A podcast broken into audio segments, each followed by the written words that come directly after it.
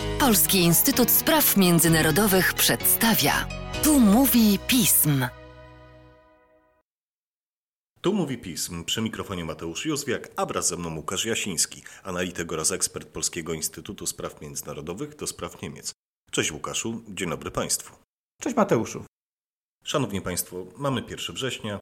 Jest to 83. rocznica wybuchu II wojny światowej, która ma w tym roku naprawdę wyjątkowy charakter.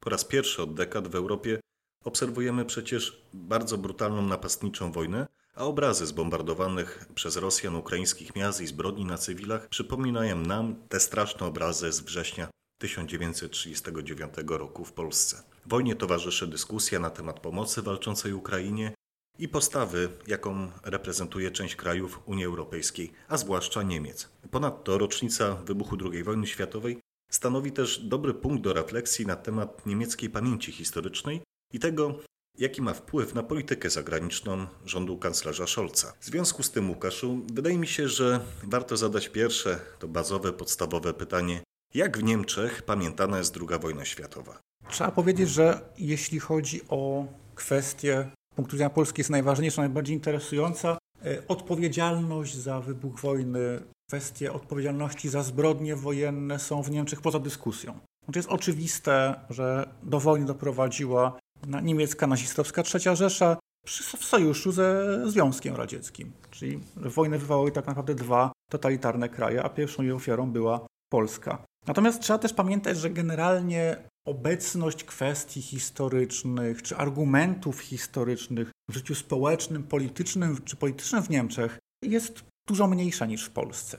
I to rzeczywiście czuć i widać, jeżeli się przygląda tamtejszym e, debatom. Po prostu historia odgrywa w Niemczech generalnie mniejszą no, rolę.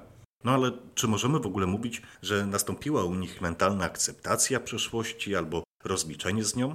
Z rozliczeniami to jest kwestia trochę bardziej złożona i myślę, że niemieckie społeczeństwo bardziej by się chciało, rzeczywiście, bardziej chciałoby rzeczywiście być rozliczone z tymi zbrodniami, to rzeczywiście miało e, miejsce. Pamiętajmy też o jednej rzeczy. Współczesne społeczeństwo niemieckie jest takim społeczeństwem multinarodowym. Spora jego część to są osoby z tak zwanym tłem migracyjnym, więc trudno jest, żeby ktoś, kto ma pochodzenie na przykład polskie, tureckie czy, czy, czy jakiekolwiek inne, żeby utożsamiał się ze zbrodniami III Rzeszy, bo to po prostu nie jest pamięć jego rodziny. To też jest taki czynnik, który wydaje mi się w polskich debatach czasem nieco e, umyka. Natomiast jeśli chodzi o takie podstawowe cechy niemieckiej pamięci o II wojnie światowej, to trzeba powiedzieć, że dla przeciętnego Niemca druga wojna kojarzy się tak naprawdę z dwiema podstawowymi kwestiami. Po pierwsze to jest Holokaust, jako absolutnie wyjątkowa, największa e, zbrodnia, a drugą taką kwestią czy hasłem, które dziś obecne, to jest wojna na wschodzie. Niestety dla nas, Polaków, rozumiana głównie jako wojna na froncie wschodnim, czyli wojna z ZSRR. A tak de facto, co jest tak zwanym błędnym kodem pamięci, wojna z Rosją.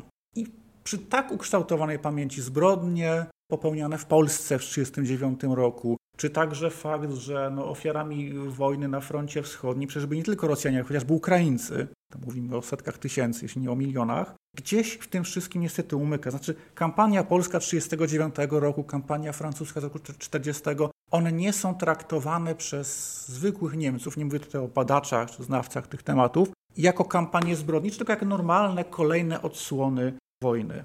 Drugą taką kwestią jest to, jak jest postrzegany rok 45. To jest bardzo ciekawe, ponieważ to ewoluowało w ciągu dekad. Na samym początku zakończenie wojny było postrzegane przede wszystkim jako straszliwa klęska, jako też upokorzenie, a stosunek do niemieckiego ruchu oporu, czy na przykład do Stauffenberga, tego zamachu na Hitlera 20 lipca roku 1944 był negatywny. Zamachowcy byli traktowani jako, głównie jako zdrajcy. To się zmieniło po dekadach. Od roku 1985 takiego ważnego przemówienia prezydenta Richarda von Weizsäckera w Bundestagu, rok 1945 jest traktowany jako tak zwana godzina zero a, dla Niemiec, a także jako rok wyzwolenia. Może się to wydawać polskim słuchaczom trochę szokujące, ale chodzi o to, że rok 1945 to było także wyzwolenie samych Niemców od nazizmu, totalitaryzmu. Od tego, co sami sprowadzili na Europę, rzeczywiście był tu pewien nowy, mm, nowy początek e, dla Niemiec. Jeśli mówimy o kwestiach rozliczeń, no właśnie, z jednej strony na poziomie międzynarodowym funkcjonuje taki mit Niemiec jako kraju, który się raczej z tymi zbrodniami rozliczył, prawda, gdzie politycy ciągle przepraszają, podkreślają odpowiedzialność i tak dalej. E, natomiast faktycznie, jeżeli weźmiemy pod uwagę to, jak wymiar, niemiecki wymiar sprawiedliwości traktował zbrodniarzy, to zdecydowana większość z nich albo nie została w ogóle pociągnięta do odpowiedzialności, albo ta odpowiedzialność była dość symboliczna. Może podam dwa takie przykłady pamięci o wojnie, taki przykład i antyprzykład. Znaczy, dobrym przykładem jest to, co się stało w 2014 roku z okazji 70. rocznicy Powstania Warszawskiego w miasteczku w gminie Westerland. To jest taka gmina wypoczynkowa, turystyczna na wyspie Sylt na Morzu Północnym Landszezwik-Holstein. Tam burmistrzem tego miasteczka, Westerland, był przez y, wiele lat, a potem deputowanym do Landtagu Schleswig-Holsteina, był jeden z katów Powstania Warszawskiego, Heinz Reinefart, któremu mimo prób postawienia go przed y, sądem tak naprawdę do końca życia włos z głowy nie spadł. I dopiero w roku 2014 władze tego miasteczka ufundowały specjalną tablicę pamiątkową na budynku siedziby gminy, publicznie wyraziły skruchę i przeprosiły. Natomiast pewnym antyprzykładem, który zapewne do tej pory jest pamiętany, był oczywiście serial e, Nasze Matki, Nasi Ojcowie. Sposób, w jaki pokazano zwłaszcza Armię Krajową jako taką w gruncie rzeczy niepoważną zbrojną bandę, która jeszcze była w jakiś sposób e, zamieszana w, w, mordy, w mordy dokonywane na Żydach, e, co wzbudziło, oczywiście takie przedstawienie Armii Krajowej i Polaków wzbudziło słuszne oburzenie, a to wynikało po prostu z niewiedzy, ze stereotypów i i uproszczeń. Także krótko mówiąc, to pokazuje, jak wielką rolę odgrywa edukacja, pokazywanie polskiego doświadczenia wojny, historii wojny z perspektywy okupacji Polski i należy tutaj trzymać kciuki za rzeczywiście powstanie zapowiadanego już takiego muzeum, pomnika i miejsca spotkań z Polską w Berlinie, które ma właśnie opowiadać o historii polsko-niemieckiego sąsiedztwa ze szczególnym uwzględnieniem lat wojny i okupacji. Warto w takim razie zapytać o to, co na samym wstępie naszego podcastu już to powiedziałem. Po części myślę, że warto to jednak rozwinąć. Łukaszu, jakie wnioski na temat stosunków międzynarodowych Niemcy wyciągnęły z wojennych doświadczeń? Może zacznę od tego, jak postępują niemieckie elity. To jest to, o czym wspomniałem e, przy okazji Twojego pierwszego pytania. E, nagrywamy nasz podcast 29 sierpnia i Kilka godzin temu oglądałem przemówienie kanclerza Scholza na Uniwersytecie Karola w Pradze. I kanclerz Scholz zaczął od przypomnienia historii czeskich studentów, którzy po zajęciu, po zajęciu Czechosłowacji przez, przez III Rzeszę byli także ofiarami represji, trafiali do obozów koncentracyjnych. To jest też element, stały element niemieckiej polityki. Prawda? Odwoływanie się do odpowiedzialności Niemiec za wybuch wojny, do zbrodni, prawda? Powtarzane, y, powtarzane y, wyrazy skruchy. Mm, to także jest element budowania tego wizerunku Republiki Federalnej Niemiec jako kraju, który się zdecydowanie od nazizmu odcina. Natomiast pamiętajmy, że z takiego praktycznego punktu widzenia to i emocjonalnego tego typu przeprosiny, one są, stają się coraz bardziej rytualne, po prostu ze względów pokoleniowych. No, trudno jest oczekiwać, żeby politycy tacy jak minister Annalena Baerbock, która się urodziła w roku 80, czuli autentycznie jakąś odpowiedzialność y, emocjonalną za zbrodnie pokolenia jej pradziadków. Prawda? Także to jest i będzie stały element niemieckiej polityki, ale podejrzewam, że coraz bardziej traktowany mechanicznie jako pewnego rodzaju rytuał. Jeśli chodzi o taki poziom praktyczny, to Niemcy rzeczywiście wyciągnęli kilka, wyciągnęły kilka e, podstawowych wniosków. Po pierwsze, przestały dążyć do bycia imperium militarnym. Niemcy mają być, Republika Federalna Niemiec ma być potęgą gospodarczą, ma być tym, tą potęgą moralną, prawda, która skupia się na ekologii, prawach człowieka i tak a nie ma być już, e, nie ma być już imperium militarnym. Stąd też na przykład przez dekady Bundeswehra nie uczestniczyła w ogóle w misjach zagranicznych. To była wokół tego ogromna debata, czy należy brać udział w jakikolwiek sposób na przykład w bombardowaniach Miloszewicza, czy należy wysyłać wojska do Afganistanu i tak. Także trwało to rzeczywiście dekadami taka niechęć czy podejrzliwość w stosunku do wojska, zbrojeń jest obecna także dzisiaj w tych debatach wokół, wokół specjalnego finansowania Bundeswehry. Druga kwestia to był taki wybór strategiczny. I tego rzeczywiście Niemcy trzymają się już, już od czasów pierwszego powojennego kanclerza Adenauera, czyli postawienie na powiązanie z Zachodem, bycie częścią struktur transatlantyckich, unijnych i unikanie tak zwanej specjalnej drogi, Sonderweg, czy osobnej drogi Niemiec, która no, w ich interpretacji nie tylko ich doprowadziła dwukrotnie do y, II wojny światowej. Trzecim takim wątkiem jest odczuwany dość wyraźny respekt i pewien kompleks winy wobec y, Rosji.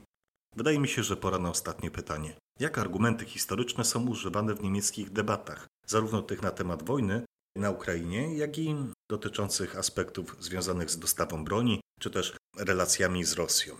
No, mimo, że jak powiedziałem, generalnie historia i argumenty historyczne nie odgrywają aż tak wielkiej roli w debacie publicznej, jak na przykład w Polsce, to rzeczywiście wojna na Ukrainie pewne debaty i argumenty przypomniała. E, po pierwsze, nikt tego oczywiście wprost nie powiedział, ale w wielu wypowiedziach polityków widać było rzeczywiście ten wyraźny respekt przed Rosją, pewien lęk czy obawę przed stosowaniem siły militarnej, przed tym, że rzeczywiście Putin złamał pewne tabu, rozpętał pełnoskalową napastniczą wojnę w Europie, czego część niemieckich elit w ogóle nie była sobie w stanie, jak się wydaje, wyobrazić, aż do samego końca.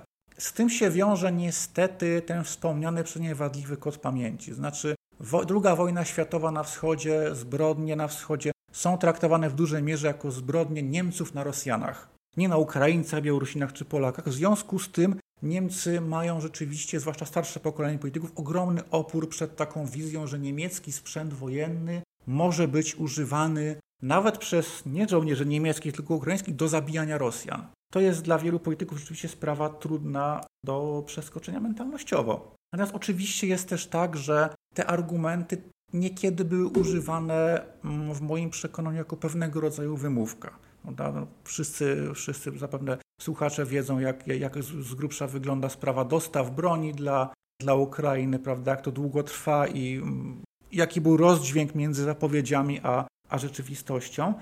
Generalnie też niemieckie społeczeństwo i elity wyciągnęły z II wojny światowej podstawowy wniosek, który także przekłada się na stosunek do wojny w Ukrainie. Mianowicie takie hasło nigdy więcej wojny, czy nigdy więcej. Ono oczywiście z jednej strony jest pięknym, takim pacyfistycznym, humanitarnym przesłaniem, ale z drugiej strony gdzieś unika w takiej perspektywie to, co my, Polacy czy mieszkańcy Europy Środkowo-Wschodniej chyba bardziej dostrzegamy, że oczywiście wojna zawsze jest złem, ale bywają takie sytuacje, kiedy w imię obrony najbardziej podstawowych wartości po prostu trzeba użyć siły. W obronie wolności, praw człowieka i tak dalej. Natomiast z punktu widzenia niemieckiego społeczeństwa to hasło nigdy więcej jest rozumiane jako prymat takiej stabilizacji, stabilności i pokoju ponad wszystko. Szanowni Państwo, wydaje się, że temat pamięci o II wojnie światowej w Niemczech jest tematem uniwersalnym i o ile będzie on modyfikowany i będzie zmieniać e, swój charakter, tak jednak będzie do nas wracać, a razem z jego powrotem będziemy poruszać jego aspekty przy naszych podcastach. Tymczasem, Łukaszu, dziękuję Ci za dzisiejszy podcast. Dziękuję bardzo. Państwa zaś zachęcam do śledzenia naszej strony internetowej, czytania najnowszych biuletynów i komentarzy, śledzenia mediów społecznościowych, także naszego kanału na YouTube. Z mojej strony to wszystko. Dziękuję za uwagę i do usłyszenia.